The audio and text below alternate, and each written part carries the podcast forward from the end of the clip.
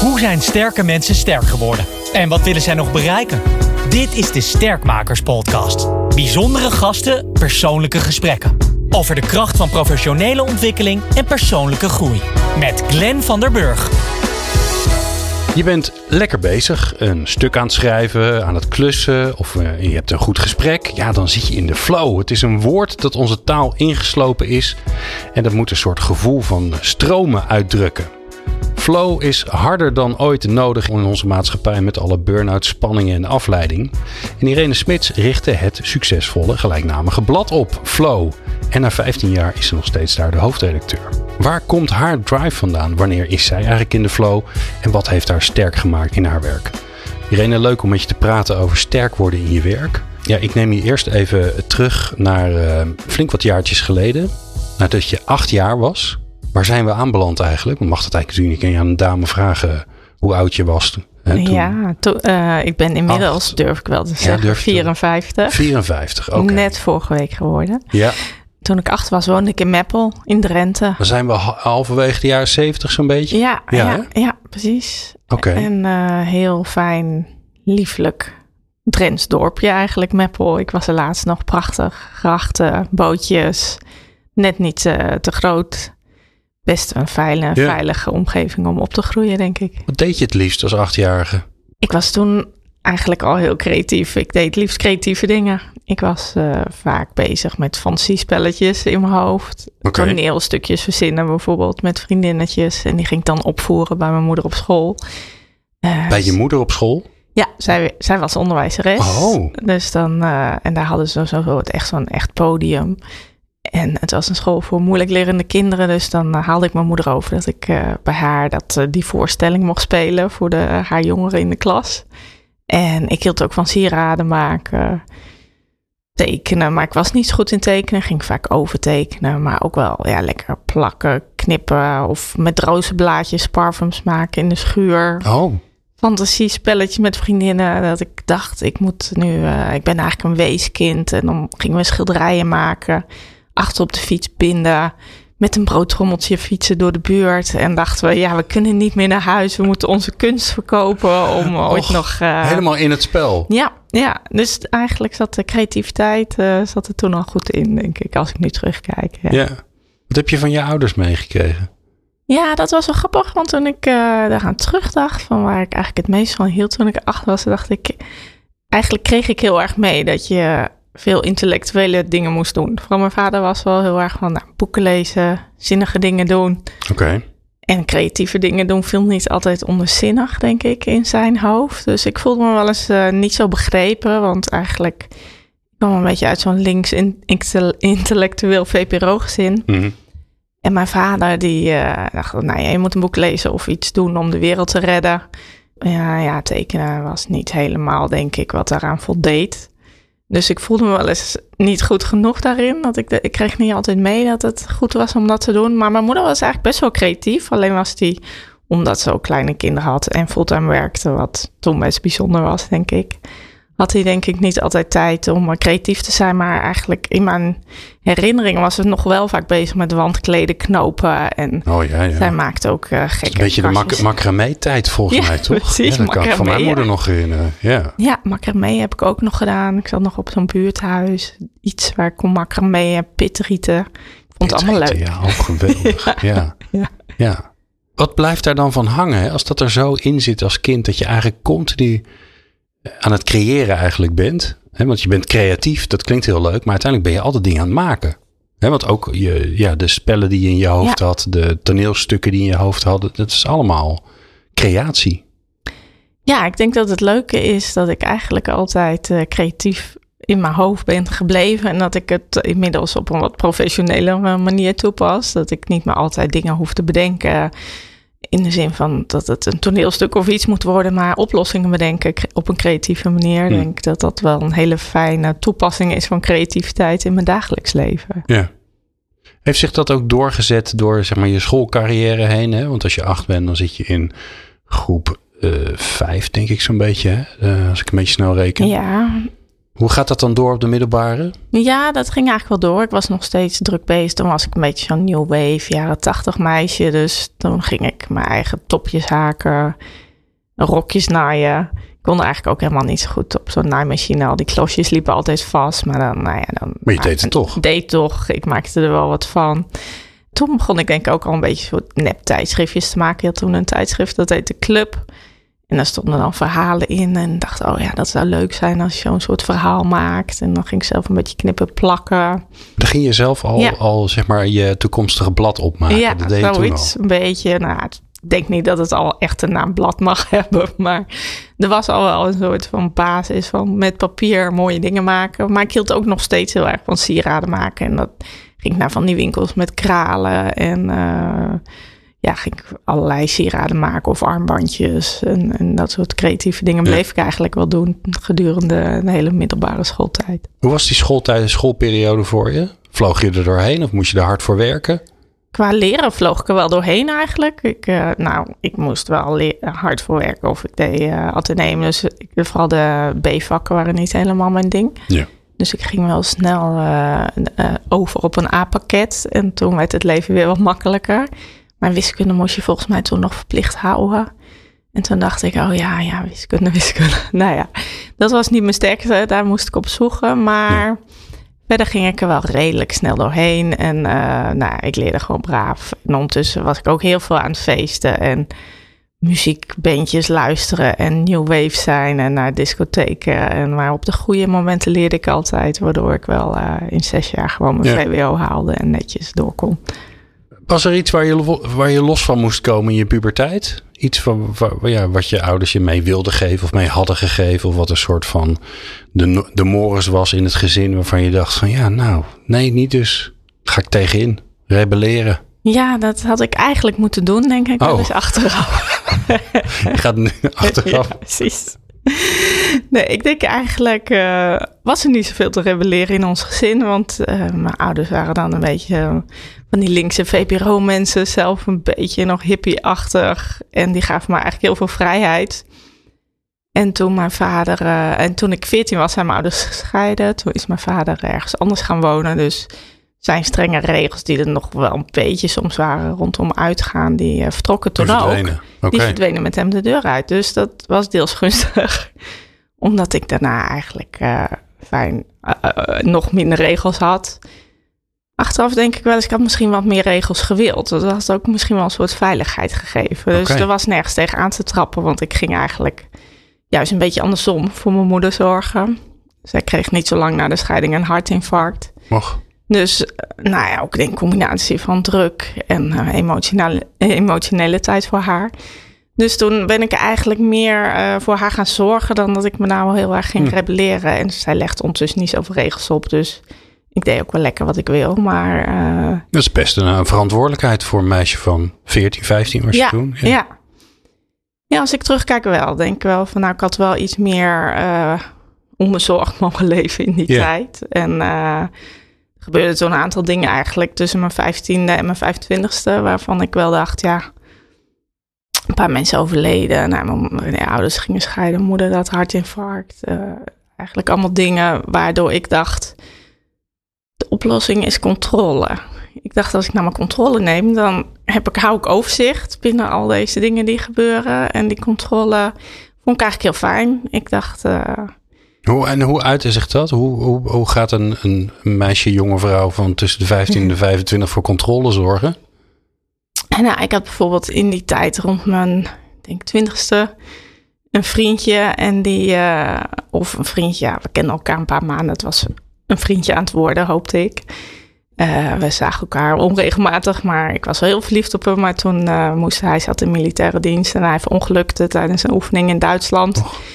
En toen dacht ik van, hé, ja, oké, nu even alles op een rijtje. Het was nog niet echt een relatie kon het misschien worden, maar ja, het had nog geen naam. Nou, weet je, dan mag ik hier twee weken over treuren. Dus ik dacht, dan mag ik twee weken rouwen. Dat vond ik een overzichtelijke tijd die ik Dus mezelf zo dacht je er echt over na, joh. Ja, Jeetje. zo dacht ik erover. Toen dacht ik van ja, dat was denk ik mijn controlemechanisme. En ik dacht van oké, dan, eh, dan gaat dat zo. En bijvoorbeeld toen mijn moeder eh, een tijdje alleen was, dacht ik nou oké, zij moet weer gelukkig worden. Dus we gaan een advertentie zetten in de krant. Waren natuurlijk nog in dating Dus ja, mam, we moeten een advertentie zetten in de krant. Die op elkaar mee die advertentie opstellen. En oh, dat, nou, dat brieven selecteren. Nam jij. Jij ja. was een soort matchmaker voor je moeder. Ja, precies.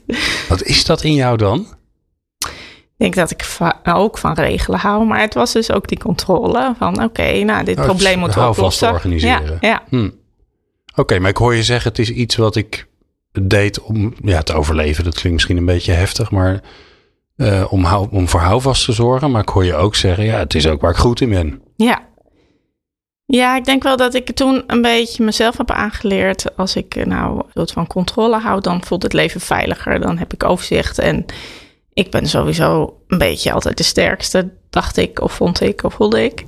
Nou, ik ben de sterkste, dus ik houd overzicht, ik los het op. Mijn zus, die, eh, ik had ook een zus, die was twee jaar ouder. Die ging een beetje ook het huis uit toen mijn vader wegging. Nou, toen bleef ik dus met mijn moeder over. Toen dacht ik, nou weet je wat, ik ga deze boek maar even oplossen, want anders komen we ook nergens. Dus ja, het, het was een goed punt, denk ik, en een slecht punt. Maar ach. Het voelt als een enorm contrast tussen het creërende, uh, fantasiewereld creërende uh, jonge meisje en die dan ineens ja, een soort um, familieorganisator wordt. ja, precies. Nou, misschien, Met heel veel structuur. En, misschien uh, juist de combinatie wel. Dat, dat ik uh, kon vluchten in de creativiteit. En dat dat mijn, hmm. uh, ja, mijn uitlaatklep was. En aan de andere kant toch overzicht hield door de controle te nemen. En ja, ik denk het ging lang goed, maar dat ging ook niet altijd goed. Rond mijn dertigste was ik wel overspannen van al die controle die ik probeerde te houden of krijgen of te creëren. Want hoe kwam dat dan? Nou, op een gegeven moment voelde ik wel dat ik steeds meer controle probeerde te krijgen over alles. En een aantal dingen had onderdrukt. Inderdaad, mijn moeder was dus uh, opnieuw getrouwd, maar hij had een zoon en hij overleed. En toen overleed die man en dat vriendje overleed. Nou, er waren al veel ingewikkelde dingen in mijn leven. En ik had dat allemaal dus onder controle geprobeerd te houden met mijn tijdslimieten. En ik was ondertussen een drukke nieuwe baan begonnen, waarin iemand, uh, degene die uh, had een eigen bureau en uh, dat ging eigenlijk heel goed. Een tekstbureau ging ik werken. En toen zei zij van, nou ja, bent supergoed. Vond ik zelf ook. Ze zei, wil je het overnemen? Wil je aandelen? Word oh, je partner? Nou, het was mijn eerste echte baan eigenlijk. Dus ik dacht, ja goed, Tuurlijk. interessant, goed, kom maar door, dat kan ik. Maar ik denk wel dat ik me ondertussen zoveel druk en, en uh, dingen had opgelegd dat dat wel te veel was. Dus toen, uh, eind twintig, toen kreeg ik eigenlijk last van uh, lichamelijke klachten, vooral hartkloppingen en benauwdheid. En ik had eigenlijk geen idee. Ik had nog nooit een ademhalingsoefening gedaan of over mediteren gehoord. En ineens dacht ik van, nah, ik heb ook een hartkwaal, net zoals mijn moeder. Maar toen, na wat onderzoekjes, zei de huisarts, nee, je hebt helemaal geen hartkwaal. Je bent gewoon overspannen. Nou, en toen heb ik een jaar thuis gezeten en toen ben ik eens even al die patronen gaan ontrafelen die ik hmm. had uh, opgedaan uh, de jaren daarvoor. En hoe doe je dat dan? Nou, gesprekken met de psycholoog. Dat, okay. zei, dat hij ook zei van ja, welke overtuigingen zitten eigenlijk in je? Welke stemmetjes hoor je eigenlijk in je eigen hoofd? Wie zegt jou dan dat dat zo moet? Wie zegt dat jij maar twee weken mag rouwen? Wie zegt dat jij voor je moeder moet zorgen? Wie zegt dat jij partner moet worden en dit bedrijf nu helemaal alweer moet gaan runnen? Dus dat uh, ben ik eens even allemaal gaan. Uh... Dus je had jezelf gewoon heel veel dingen opgelegd die jij vond dat ze moesten, die vervolgens een soort wet wetmatigheid waren geworden. Ja, en waar ik misschien ook niet aan toe was. Of waar ik, nou ja, zeker in mijn jeugd denk ik dat ik nog wat lekker frivoler had moeten lanterfanten en me af had moeten zetten tegen mijn ouders. In plaats van uh, de oude rol op me nemen. Dat vond ik eigenlijk wel fijn dat ik dat een beetje ontrafelde toen. Dat gaf wel een mooi inzicht voor de rest van mijn leven. Ik was ook achteraf, nou ja, als je overspannen bent, is het nooit fijn. Maar achteraf vond ik het eigenlijk wel heel fijn. En toen ik dat een beetje zo in kaart had, had ik er ook weer controle over natuurlijk. Ja, ja dat kan wel ja, ja, controle over de controle. Ja. ja. En wat leer je dan over jezelf? Nou, wat ik wel mooi vond om te leren is bijvoorbeeld, uh, wat zijn nou eigenlijk mijn eigen overtuigingen en waar hoorde ik eigenlijk de stem van mijn vader, die dan zei, misschien in mijn achterhoofd zei, uh, nou, niet aanstellen, doorzetten of uh, nou, ga eens wat nuttigs doen of uh, hmm. je moet andere mensen redden en uh, je moet bezig zijn met de wereld of ja, er waren toch wel allerlei soort stemmetjes in mijn hoofd waarmee ik mezelf de hele tijd maar aanzette en vooral niet in de flow was. En ehm, ja, ik leerde wat meer onderscheiden van welke overtuigingen heb ik eigenlijk zelf Met welke ben ik het eens en met welke ben ik het echt helemaal niet eens. En misschien mag ik best wel landvanten of me vervelen of helemaal niks nuttigs doen of niets voor de wereld doen even. Of, uh, ja, dus het was, uh, vond vooral heel inzichtelijk inderdaad om daar naar te kijken. Ja, maar dat leren we eigenlijk nergens. Nee. Toch? Je leert het niet op school, nee. je leert het niet op de, nee. de voortgezet onderwijs, je leert nee. het niet als je gaat studeren. Nee, je dat leert was... het niet bij de sportclub, je leert het niet Ja. in je opvoeding. Nee, Bij in ieder geval niet. helemaal toch? niet. Nee. Ik probeer het nu mijn kinderen wel te leren in de opvoeding. Ja, Maar het was... die dan juist daar, zich daar tegen gaan afzetten. Dat is natuurlijk de grap. Ja, Ja, die mogen dan lekker zeggen, ja, die softe Oh, gelul de hele tijd. Oh. ja. Ik moest de hele tijd mijn grenzen bewaken van mijn Ja. nee, ik denk wel dat dat ook een beetje de basis is geworden van flow. Omdat ik eh, uiteindelijk dacht van, eh, ja, ik heb, leer dit nergens. Ik heb er nooit mee leren omgaan met perfectionisme of loslaten of accepteren. Of die verschillende stemmen in je hoofd is ontwarren, de overtuigingen naar kijken. Ik dacht, ja, is het raar? Waarom leer je dat eigenlijk nergens in je leven? Een soort handleiding voor het leven. Ja. Hoe ga je daarmee om? Dus ik dacht, nou, als we dat soort levenslessen nou eens in een blad stoppen.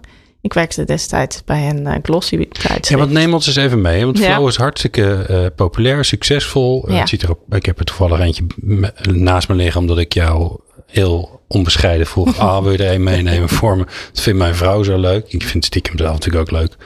Hoe, hoe ontstaat zoiets? Hoe ontstaat een idee voor een blad? Ja, nou, ik had wel heel erg mazzel. Ik werkte al bij een tijdschrift, een glossy Marie Claire. Dat was destijds van Sanema uitgevers. Toen de grootste uitgever ook eh, in Nederland van eh, Libelle, Margriet, eh, Donald Duck. En ik werkte inmiddels een paar jaar bij zo'n glossy, maar ik was eigenlijk wel klaar met die onderwerpen. Steeds weer mode, beauty, lifestyle. Ja, Ik vond het wel even genoeg geweest. Ja, ja. Ja. en het was in 2008, dus vlak voor de bankencrisis. En ik voelde eigenlijk al een beetje, ik had een artikel geschreven, dat heette Van Duur naar Puur. Ik dacht, we zijn ook eigenlijk allemaal een beetje klaar met die designer items. Uiteindelijk wil je misschien toch liever op je verjaardag een zelfgemaakte appeltaart van de buurvrouw krijgen dan een designer zonnebril van Tommy Hilfiger of zo. Dus ik dacht, ik voelde een beetje zo'n verandering in de maatschappij. Dat we al een beetje op zoek waren naar authenticiteit en dingen waar je eigenlijk echt gelukkig van wordt. En ik had zelf, zat ik eigenlijk ook een beetje in die fase. Ik was zo eh, eind 30 inmiddels. ja. Je had, dacht, je, ik- had je, ja. je, je overspannen periode gehad. Ja, Daar ja. was je alweer uit ja, was ik uit. Ja, dus en toen was ik eh, en, ja, eigenlijk bij de plat ook begonnen. En toen dacht ik, ja, nu heb ik eigenlijk alles wat ik wil. Ik heb dat huis, die twee auto's, die vakanties, een jongen en een meisje, eh, een man, eh, alles is er. Ja. Maar ik ben eigenlijk niet gelukkig. Nee, dan begint Doe maar te spelen. Ja, is dit alles, Precies, toch? ja. Nou, ik was op mijn veertiende dus echt een enorme doemer fan. Ja, wie niet? Even terug, ja. En ik mocht natuurlijk naar al die concerten, omdat ik niet zoveel regels had. Nou, mijn vader bracht me trouwens altijd wel en die wachtte dan op de parkeerplaats. dat en soms ging hij mee hè? naar binnen. Ja. Ja, en, en zij is ook nog mee geweest naar het afscheidsconcert destijds in de Brabanthal in Den Bosch. Dat hij zei van, nou, dan ga ik toch maar eens mee naar binnen. Want hij dacht, dan moet ik toch zien al die Al flauwvallende meisjes. die Beatle tevreden, hè? ja, ja. precies. ja. Dus, eh, Maar je had het is dit alles ja. gevoel, hè? Want voordat je het weet gaan we het over muziek hebben. Is ook heel leuk. Maar ja, leuk.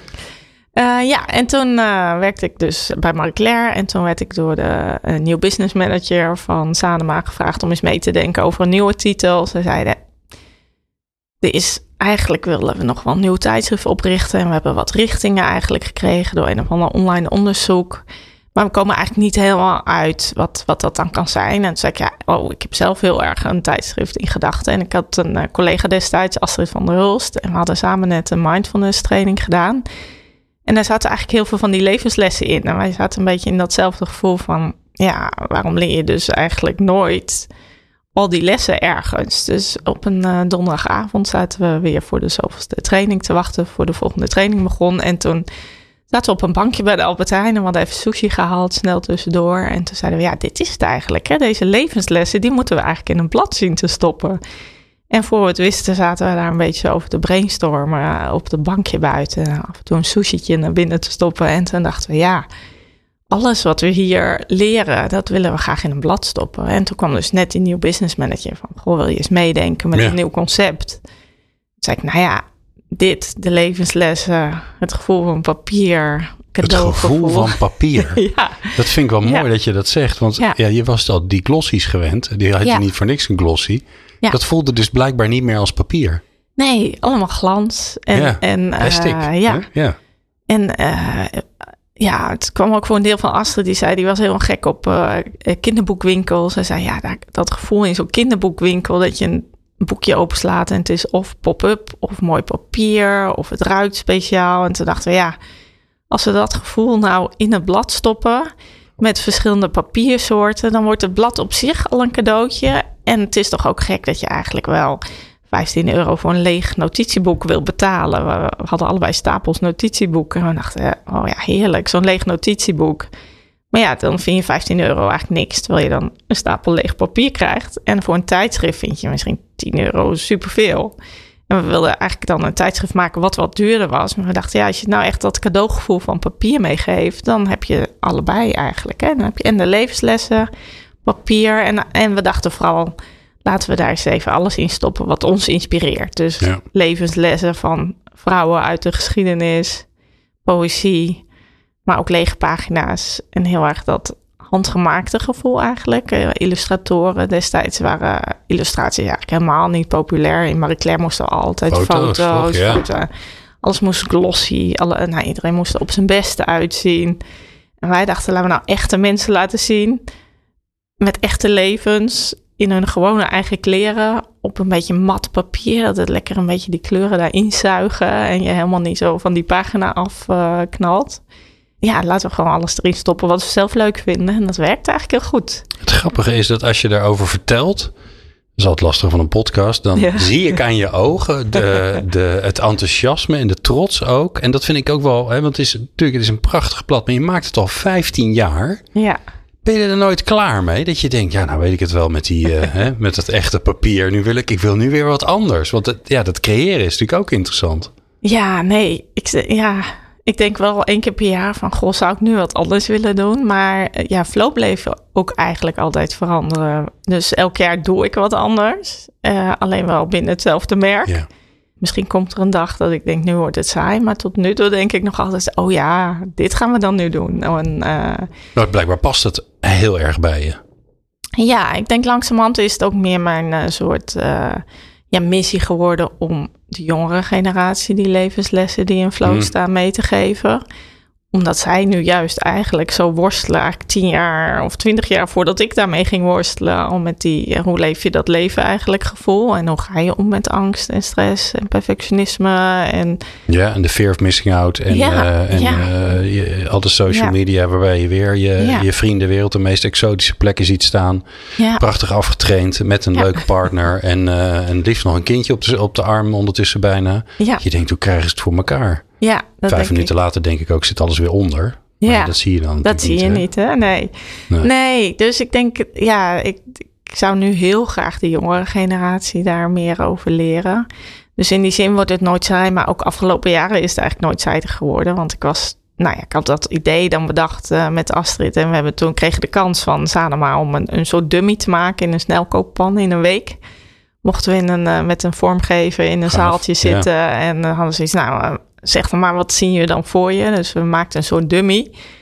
En die, eh, nou, toen presenteerde de, de, die we aan het eind van de week voor de directie. En nou, die hadden wel echt zoiets van, oh ja, daar hangt hier wel een bijzondere vibe in dit, eh, deze kamer. En ja, misschien moeten we het maar eens gaan testen. En normaal waren er altijd al heel veel testen. Dan moest je Ik wou net zeggen, je gaat, niet zomaar, ja, je gaat niet zomaar even een blad beginnen. Nee, er waren eigenlijk altijd heel veel regels voor. Maar toen, wij hadden heel erg zelf zoiets... Ja, je kunt ook gewoon proberen. Hè? Want ja, wij hebben dat eigenlijk ook op gevoel nu bedacht. En dan kunnen we het kapot gaan testen. Maar nou ja, wij pleiten een beetje voor een beetje... eh, laten we gewoon beginnen. Nou, dat ging ze dan wel net te ver. Toen zeiden ze, nou, we gaan eh, drie kwalitatieve testen doen. Dus dummies maken in drie zaaltjes in Breda, Zwolle en eh, Amersfoort of zo achter zo'n scherm moesten dan eh moesten Ja. kregen ze vragen. Wij zaten achter aan de andere kant van het scherm en eh mijn spiegelscherm konden we meekijken wat ze allemaal zeiden. En het was zo grappig, want alles wat wij erin hadden willen stoppen, dat zeiden die mensen ook. Toen zeiden we, ja, ik had zo'n drukke dag. En toen had ik de hele dag gewerkt. En toen dacht ik, oh nee, ik heb me voor dat onderzoek Ja, opgegeven. En nou, dan moest ik ook nog hier naartoe. Maar toen kreeg ik dat blad en dan mocht ik een half uur in bladeren. En toen dacht ik, Oh, Oh, ah, wat lekker. dus oh, rust en oh, mooi. En ik kwam tot rust en ik leerde wat van. En ik vond de toon prettig. En ik dacht, ach, het is ook allemaal wel goed. En ik doe het ook best prima. En ja, eigenlijk zeiden ze precies wat wij ze hadden willen meegeven in dat blad. Van joh, stop met streven. Het is goed genoeg. Accepteer jezelf zoals je bent. Het hoeft niet allemaal beter. Dat was ook grappig, omdat deze podcast dus Sterkmakers heet. Maar een van onze lessen was, je hoeft niet altijd sterk te zijn. nee. Je mag gewoon lekker falen. Je mag het fout Ja. doen. Je hoeft niet altijd sterk te zijn. Het Ja. is allemaal goed. Je mag kwetsbaar zijn. En dat voelde ze heel erg in dat blad. En dat gaf eigenlijk zo'n eh, opluchting voor die mensen die, die, die aan die, die testfase deelnamen. Dus toen kregen we eigenlijk vrij snel van de directie een go. Van nou ja, probeer het dan maar. We investeren niet zo heel veel, maar laten we een aantal nummers eh, proberen. En het eerste nummer kwam echt net na, nou, in november 2008 geloof ik uit. De hele wereld stortte in. Ik wou zeggen, ja. ja. Lehman Brothers was net eh, Ja. omgevallen. Ja, en toen zei iedereen wel van, oh, geen mom- goed moment voor een eh, lancering. Maar eigenlijk dachten wij, nou, die crisis, die kan eigenlijk best, dat is precies waar Flow Ja, over toch? het gaat. Ja, Dat je- het is natuurlijk ja. een beetje het, het glossy wereldje wat instorten. Ja. Ja. dat je dacht, met minder kun je het ook. En eh, wat heb je eigenlijk nodig? En misschien gaat het om authentiek en klein en dichtbij. En het geluk in jezelf vinden en de kleine dingen om je heen zien. In plaats van het grote geld, de grote vakanties, de designerspullen. En eigenlijk hoe, eh, hoe meer crisis, hoe beter het ging met Flow. Dus dat was mooi. Dus ja, in die zin veranderde dus steeds mijn baan. Want toen kwam er een Engelstalige editie, een Franse editie, een Duitse editie, eh, online. En inmiddels hebben we een School of Flow. Ja, elk jaar komt er weer iets nieuws bij. Dus eigenlijk doe ik geen enkel jaar hetzelfde. Dus in die zin heeft het ook geen zin om weg te gaan. Want ja, ik kan nog steeds nieuwe dingen binnen. En, je, en je, ik zie je nog steeds stralen. Dus blijkbaar vind je Ja. het nog steeds heel leuk en uitdagend om te doen. Ja, Wat heb je nou, want je doet het dan nu 15 jaar, dat is natuurlijk wel interessant. Wat, wat leer je nou in die 15 jaar over jezelf? En, eh, Het is grappig dat je het al zegt, hè? Ja, eh, ster- sterk worden, sterk zijn. Mhm. Ik vind dat een, eigenlijk een beetje een verkeerde term. Eh, dus je mag hem vertalen zoals je zelf wil. Je mag hem ook eh, zeggen eh, in balans komen in je werk. Ja. Of eh, nou ja, noem, ge- geef het een Ja. woordje. Wat er natuurlijk mee bedoeld wordt, is dat je, ja, dat je je gewoon lekker voelt in je werk. Dat je doet waar je, waar je blij van wordt, waar je energie van krijgt. Wat, heb, je, je daar van jezelf over geleerd? Ja, ik leer eigenlijk dus van alle verhalen in Flow heel veel. Omdat ik vaak zelf, inmiddels met een team natuurlijk, eh, de onderwerpen bedenk dan ook. En dan denk ik, overal waar ik zelf tegenaan loop, denk ik, oh, dan moeten we eens een verhaal over laten maken. En dan eh, gaat die journalist op pad om drie goede experts te vinden en die te interviewen over het onderwerp. Dus ik heb eigenlijk zoveel ervan geleerd over mezelf. Ja, bijvoorbeeld dus eh, kritisch kijken naar wat, wat is zeg eigenlijk je eigen innerlijke stem en wat is eigenlijk van buiten opgelegd. Maar ook over eh, uit je comfortzone komen bijvoorbeeld. Ik was door die controle, bleef ik toch altijd wel denken, ja, in mijn comfortzone. En met mijn controle voel ik me het fijnst. Dat is veilig. Mhm. Maar door die verhalen heb ik ook wel geleerd, ja, buiten je comfortzone gebeurt het natuurlijk. En eh, als je daar altijd mee in blijft, dan wordt het leven eigenlijk ook een beetje saai. Waar ben je goed in? Waar ben je echt super goed in? Waar word je door iedereen om je heen om gevraagd? Ik denk creatieve oplossingen vinden. Als er iets tegenslag op mijn weg komt, dan denk ik, oh, nou, rechtdoor gaat niet. Dan gaan we nu linksom en dan kom ik er ook. Of ik ga rechtsom. Heb je een voorbeeld? Nou, op momenten zou ik bijvoorbeeld graag een jongere editie maken van Flow. En dan ben ik aan het kijken of ik daar eh, een samenwerking voor kan zoeken. Ik ben in gesprekken daarover. En eh, nou, dus nog een beetje kijken van ja, wie betaalt wat. Nou, geld, niet mijn sterke punt, vind ik eigenlijk, eh, wil ik eigenlijk al helemaal niet mee bezig zijn. Maar moet natuurlijk toch. Ja. Maar dan zoek ik toch een creatieve oplossing van nee, oh, oké, we komen er niet op die manier. Maar als we dan een beetje zo en zo, dan, dan kan dat blad er ook komen. Dus het is eigenlijk altijd eh, creatief zijpaadjes bedenken. En eh, nou, Ja. ik denk ook de tijdgeest aanvoelen ben ik heel goed in. Ik denk dat wij als een van de eerste hadden wij bijvoorbeeld kleurplaten in Flow. Nou, daarna kwam wel heel Ja, de kleurplaten. mandala's. Hè, die hebben we, de, ja, de mandala's Ja. zijn verworden tot de, de kleurplaten voor volwassenen. Ja, precies. Dus, eh, maar ook, nou, daarna kwam social media op. Toen we begonnen met Flow eigenlijk nog niet. Maar toen hadden we ook al heel snel, voelde ik wel van... hé, hey, maar er gaat ook een tegenbeweging komen... dat we juist eh, willen detoxen, zeg maar, van de social media. Dus maak je telefoon uit, of, eh, ja, offline tijd eh, instellen... Dus dat voelde ik ook wel snel opkomen. Dat je op een gegeven moment ook te veel wordt. Dat je er genoeg van hebt. Ik denk Ja. dat de mental health crisis voelde ik ook wel, kon je ook wel aanzien komen. Dat er zoveel prestatiedruk kwam. Dat we dachten, nou, dat wij alweer wat eerder over mental health praten. Of het zagen als sporten voor je geest. Dan het misschien ineens groot werd. Ehm, dus ja, ik denk die tweede tijdgeest aanvoelen en een creatieve oplossing zoeken. Dat dat wel mijn sterke punten zijn. Ja. Hoe, hoe, blijf jij, eh, hoe blijf je scherp? Want dat kan ook een beetje het gevaar zijn natuurlijk als je, als je 15 jaar lang met je, eh, met je creatieve kindje eh, aan de slag gaat. Dat je, ja, dat je misschien een beetje kwijtraakt juist dat, eh, dat frisse. Of nou, wat ik je zelf hoor zeggen. Hè? Het, past, het blad past heel erg bij wie jij bent. Maar jij verandert ook. En, dan is, hè, en je wordt ook ouder. Ehm, door die 15 jaar heen. Ja, dan moet je moet natuurlijk ook maar aansluiting blijven houden met ehm, mensen van eh 30, 35. Ja. Je hebt toch een ander leven. Ja, ik probeer altijd wel heel erg bewust buiten mijn eigen bubbel te blijven. Zoeken naar onderwerpen. Dus door nou ja, of nieuwsbrieven te lezen of eh, verhalen te luisteren. We hebben Bijvoorbeeld stagiaires vind ik echt super belangrijk. We hebben nu hele leuke stagiaires, alle drie net twintig. Ja, daar leer ik dan zoveel van. Heb ik heel veel gesprekken dan mee. Van, oh, hoe kijk je daar tegenaan? Hoe komt het op jullie over? En dat is soms wel heel hard nodig. Ik weet nog dat we een keer een special hadden gemaakt over...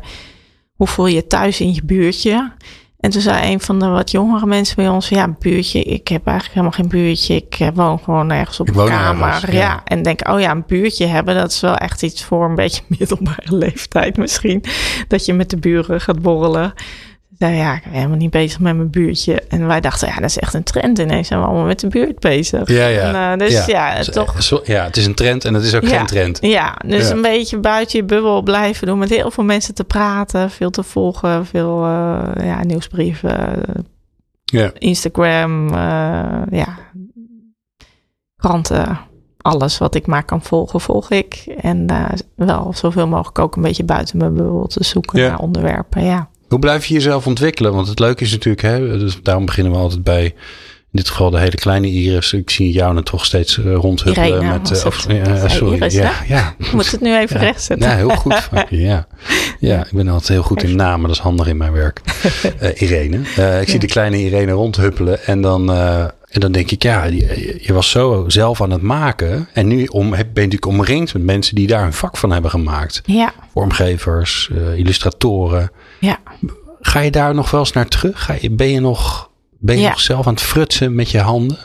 Ja, dat probeer ik wel echt in te bouwen. Ik vind wel inderdaad waar elke manager denk ik last van heeft. Hoe meer je gaat managen, hoe minder tijd voor de creatieve kant zelf. Ik probeer zelf echt heel bewust op woensdag en vrijdag bezig te zijn met wat ik eigenlijk het leukst vind. Bijvoorbeeld echt een, eh, ja, een van de begindingen van Flow is vaak een plank. Welke verhalen zijn er? Of welke verhalen willen we erin zetten? En dan kun je met eh, hand op papier met een potlood, doe ik dat het liefst, de volgorde bedenken. En dan voel je een beetje dat ritme en ik een beetje gummen. En een beetje denken, oh nee, dat verhaal toch daar. Of anders moeten we dat verhaal erin doen. Of En dat doe je nog gewoon met Dat- papier, met de hand. In plaats Ja. van dat je niet met elk nummer, op de maar... computer... Ja, zou Oké. op de computer kunnen. En ik doe het ook niet met elk nummer, maar dan bijvoorbeeld toch twee keer per jaar dat ik denk, ga even zelf deze hele. Nou, in, in december hebben we een, een bijvoorbeeld eh, bestaan we 15 jaar, dus een soort speciaal jubileumnummer. Dan denk ik, oh, daar ga ik echt even voor zitten met de hand, met mijn potloodje op de plank, helemaal dat nummer schetsen. En, eh, maar ook eh, ja, illustratoren zoeken bijvoorbeeld. eh, op Instagram kijken naar welke illustraties ik mooi vind. Die iets meer met me Hmm. doen. En dat zijn vaak de meer handgemaakte illustraties. Dus ik hoef ze niet per se zelf te maken. Dat kan ik helaas ook niet. Maar wel ze zoeken en daarna kijken. Of nieuwe onderwerpen te verzinnen. Of ehm, ja, echt dat, dat de leuke dingen of de mooie gesprekken met freelancers. Van waar loop jij tegenaan in je leven? Wat denk jij dat speelt? Wat, wat is er aan de hand in de wereld? Waar zijn we bang voor? Waar, wat gaat er juist goed? Eh, nou ja, dat soort gesprekken. Eigenlijk alle dingen waar ik energie van krijg, probeer ik wel altijd op woensdag en vrijdag tijd voor te maken. En dan mag de rest wel een beetje manager zijn. En, eh, Woensdag en de vrijdag zijn de ja. leukste dagen. Ja, dat Die de organiseer leukste je dat ze het leukst zijn. ja. Heeft dat dan ook een beetje met het ritme van de, van de week te maken? Het is sowieso zo dat wij op dinsdag en donderdag altijd op de redactie zijn. Dus dan word ik wat meer geleefd. Zijn er veel vergaderingen, overleggen. Hoewel we ook altijd een hele leuke vergadering hebben. Dat we dan even het hele nummer doorlopen. En alles bekijken wat er is gemaakt. Oh ja. hoe het samenkomt, hoe het voelt, of de kleuren goed zijn, of die kop en intro's dan passen. Dus dan kan er ook nog echt letterlijk met z'n allen kijken van, hé, hey, toch deze kop. Oh ja, wat ik ook heel leuk vind om te doen, dat is dan een soort mini-magazine maken in mijn hoofd, is een, uh, een online training maken. We hebben dan nu een Oh, school, school of Flow, dus dan maak ik niet meer echt het tijdschrift, maar dan maak ik gewoon één keer in, uh, nou, één keer in, of twee keer per jaar probeer ik nu een online training helemaal zelf te maken met alle lessen die dan in Flow zijn. Dan zoek ik die bij elkaar en dan maak ik daar een online training van. Oké. En dat is dan ook weer, ja, eigenlijk een beetje puzzelen. En dat is een nieuwe vorm van een magazine maken, maar dan online eigenlijk. En dat maakt het ook weer leuk. Ik denk, oh, dan ga ik lekker zelf doen, zo'n training maken. Heb ik niemand voor nodig, kan ik nog helemaal in mijn eentje achter Ja. mijn computer op mijn woensdag en mijn vrijdag doen. Dus het is ook soms, eh want zei, ja, hoe blijf je ontwikkelen? Nou ja, ook dus door dat soort dingen. Hè? Een, een online training maken of kijken wat moet op de Flow website staan. En wat werkt daar wel, wat werkt daar niet. Ja, dus, dus, ook, ja. dat, dat lijkt me wel een ingewikkelde balans. Dat je dus, eh, je, je wil soms zelf nog dingen echt bedenken, maken, ontwikkelen. Terwijl je natuurlijk voor een belangrijk gedeelte degene bent die het team bij elkaar brengt. De mensen Ja. een beetje uitzoekt. Zorgt dat ze goed samenwerken. Ja. Je moet ook niet te veel zelf gaan maken. Want dan denken die collega's van jou van ja, hallo. eh heb je je haar zit weer. mijn werk te doen. eh. Ja. Ik check dat wel eens. Of ze denken van, nou bemoei Ja? jij je er nou even niet mee. Tot zover gaat het goed, maar misschien zeggen ze het nog niet tegen me. Ja. dat ze denken, Maar dat nou, wil je natuurlijk wel. Hè? Dus gelijk nu een oproep. Als je luistert, ja, collega jongens, als je luistert, zeg tegen mij dat ik... blijf er vanaf. ja, nee, ik denk dat ze het me ook gunnen. Want eh, ik denk eh, dat ze ook zien hoe lol, hoeveel lol ik daarin heb. En dat de balans goed moet zijn. Ik denk het is ook belangrijk als je maandag en donderdag heel veel vergaderingen en algemene dingen doet. En op maandag de grote lijnen bewaakt. Dat je dan lekker op woensdag en vrijdag meer de diepte weer in kan. En het zelf in het maakproces zit. is ook goed, want zie je ook waar anderen tegenaan lopen. Of waarom iets wel of niet werkt. En ik denk dat mijn vak zich heel snel ontwikkelt natuurlijk. Staan er nog tijdschriften over tien jaar? En in welke vorm? Of hebben we allemaal digitale edities? Of Ja. heeft iedereen een abonnement op een nieuwsbrief? Of betaal je voor eh, online eh, content op een site? En waar betaal je wel voor en welke niet? Of betaal je alleen voor een training? Dus het zijn ook wel het uitpuzzelen. En ja, dat is ook weer een beetje het gevoel van aan het begin van een tijdschrift staan. Nu weer aan het begin van de digitale transitie staan. Dat is ook iets waar ik zelf dan voeling mee wil houden.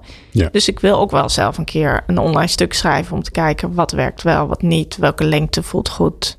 Grappig is volgens mij dat er alleen maar meer tijdschriften bij zijn gekomen. Nee, inmiddels Nee, zijn ze ondertussen wel ook wel een beetje aan het verdwijnen, een aantal? Ja, of in frequentie terug. Ik Ja. denk bijvoorbeeld in Amerika had je bijvoorbeeld Oprah, wat ooit twaalf keer gewoon verschenen. Nu nog maar één keer per jaar volgens mij. Ja. Zijn bijna helemaal digitaal geworden. ja, die is gewoon de hele tijd auto's aan het weggeven. En, eh, ja, en, die en heeft ook leuke geen dingen. geld over. Ja, die heeft Ja. geen geld voor dat papier. Want papier is ook zo duur op het moment. Ik heb wel eens eh, daar niet zo zorgen over hoeven te maken. ja. Waar ik net aan zat te denken, hè, want je hebt v- je hebt 15 jaar het blad gemaakt eh, en maakt dat nog steeds. Daar komen natuurlijk heel veel ehm, levenswijsheden eh, naar voren. Ik ga een onmogelijke opdracht geven. Wat is de belangrijkste? Belangrijkste. Wow, dat is inderdaad een onmogelijke opdracht. Waar ik zelf echt wel veel aan heb gehad, was de les dat je je gedachten niet altijd zo serieus hoeft te nemen. Ik kon heel erg met die creatieve geest die maar van alles had te bedenken, kon allerlei scenario's bedenken.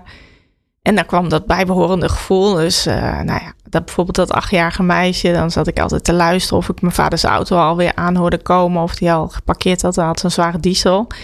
Nou, als ik hem niet hoorde, dan dacht ik, oh jee, hij heeft een auto-ongeluk gehad. En dan komt de politie en dan nou, ging mijn hoofd allemaal verhalen verzinnen.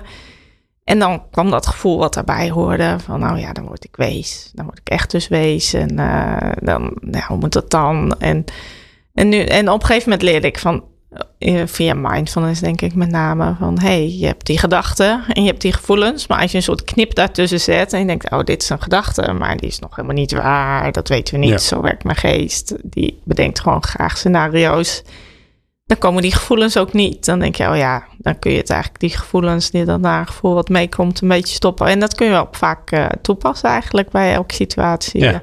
Elk doemscenario wat ik kan bedenken. Ik denk, nou, eh, dat vond ik eigenlijk wel een hele mooie les. Dat je Mooi, je gedachten ja. niet zo serieus hoeft te nemen. Ja. Nou, zie je. Dat het Gaat goed. gedachten zijn. Ja. Ja, het zijn maar gedachten. Ja. Ja, je kunt ze ook versturen en je kunt er Ja. een nieuwe hebben en zo. Ja, Ja. het is super interessant natuurlijk. ja. Hey, ik, ehm, ehm, ik neem je mee, Irene. Ik kan niet vaak genoeg je naam gaan zeggen natuurlijk, omdat ik daar natuurlijk goed. ongelooflijk gefaald heb. Maar daar kan ik mee omgaan hoor. Ga je dat Ehm, eruit knippen of dat niet? Nee, nee, vind ik niet. Want Nee. het leven, zo is het leven. Jij mag ook toch? fouten maken. Zeker, ja. nou, wees niet bang, dat gebeurt wel. Ik neem je mee naar je tachtigste verjaardag. Duurt nog een hele tijd, eh, maar we gaan de toekomst in. Je familie, je vrienden, je bekenden, eh, de mensen die je dierbaar zijn, die zijn er. Eh, je collega's natuurlijk ook, die je dierbaar zijn. En er wordt over je gespeecht over wat je betekend hebt voor deze mensen. En dan mag je, nou trouwens, ik ga je niet sturen. Wat zeggen ze over je? Wordt echt een hele mooie speech. Ja. en dan mag je natuurlijk zeggen wat je hoopt dat ze Ja, over je zeggen. Want ja, je Ja. hebt nog eh, zo'n 30 jaar te gaan totdat je daar bent. Nou, ik hoop dat ze zeggen dat ik ze iets heb geleerd. En dat ze door mij bewuster zijn gaan leven en andere keuzes hebben gemaakt. Ik denk Mm. dat dat wel iets heel moois is wat ik graag eh, mensen mee wil geven. Dat als je maar gewoon op je automatische piloot leeft, dat je zoveel mist. En dat je echt bewustere keuzes kan maken. En, en met die bewuste keuzes je leven dus ook mooier wordt. En ja, soms zit het in zo simpel als je telefoon vaker wegleggen en zien wat de natuur je geeft. Maar ook wel ja, grotere keuzes maken van wat vind je nou echt belangrijk in je leven. En ik eh, merkte zelf dat ik tot mijn dertigste eigenlijk inderdaad maar leefde volgens die patronen die ik mezelf had aangeleerd. En daarna bewustere keuzes ben gaan maken. En dacht van oké, maar nou ja, bijvoorbeeld op een gegeven moment ging ik dit tijdschrift oprichten. Tegelijkertijd ging ik ook scheiden en had ik twee kinderen van twee en zes. Toen dacht ik, ja, dit gaat dus helemaal niet lukken. Misschien moet ik dit tijdschrift dan maar niet gaan doen. Toen ah, heb ik daar met een psycholoog over gepraat. En ze zei, nou, volgens mij moet je het wel doen. Volgens mij gaat het je juist heel veel energie geven. Toen dacht ik, ja, is ook zo. Maar dan kan ik dus andere dingen niet. Dus dan moet ik gewoon andere dingen schrappen. Ik ga mijn kinderen voorop zetten. Dit tijdschrift staat voorop. Deze twee dingen wil ik graag goed doen. En dan kan ik dus andere dingen niet altijd. Want ja, Mm. dan wordt het te veel. Dus een beetje bewustere keuzes maken in je leven. Waar je tijd in stopt. En waar je energie van krijgt. En, wa- en wat je echt graag wil doen. Ja, ik hoop dat ik mensen daartoe inspireer. En dus ik hoop dat ze daar nog even dan iets over zeggen als ik 80 ben. Dat ze zeggen, dankzij Irene heb Ja. ik deze keuze gemaakt. Ja, ja dat is En mooi. misschien dat ze ook, ik zou het ook wel mooi vinden als ze zeggen, ik zal nog even de hele lijst afwerken, zodat Ja, ze kunnen opschrijven. Ja.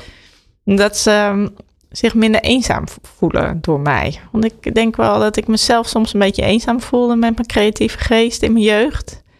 En eh, heel veel zelf oploste. Maar in flow probeer ik ook heel erg te stoppen van alles hoort erbij. Dus ook je kwetsbare kanten. En je mag je ook verdrietig voelen. En als we allemaal die dingen wat meer delen met elkaar. De dingen die minder goed gaan. De dingen waar je niet blij mee bent. Dan voel je je denk ik ook wat minder eenzaam. Nou, zeker tegenwoordig met al die feesten, eh, leuke levens op social media. Ja, het leven is superleuk. Ja, ja. ja. Ja, als we niet meer met elkaar delen, de mindere momenten, de, de momenten dat je niet sterk voelt, de momenten dat je denkt van, nou, ja, dit, ik weet echt niet hoe dit nog goed komt. Als je die momenten met elkaar deelt, dan voel je je echt een stuk minder eenzaam. En ik hoop dat, dat, eh, dat ik dat iedereen ook meegeef. Ik krijg er wel eens brieven over van lezers. Nou ja, Ja, daar Oh, ben ik echt heel blij mee. ja, dat snap ik. Laatst was nog, of nou, het is al een tijdje terug, een eh, lezer in Australië die Flow had gekocht, Engelstalige Flow, op een... eh, ze had haar moeder, was stervende in Indonesië, was ze naartoe gegaan.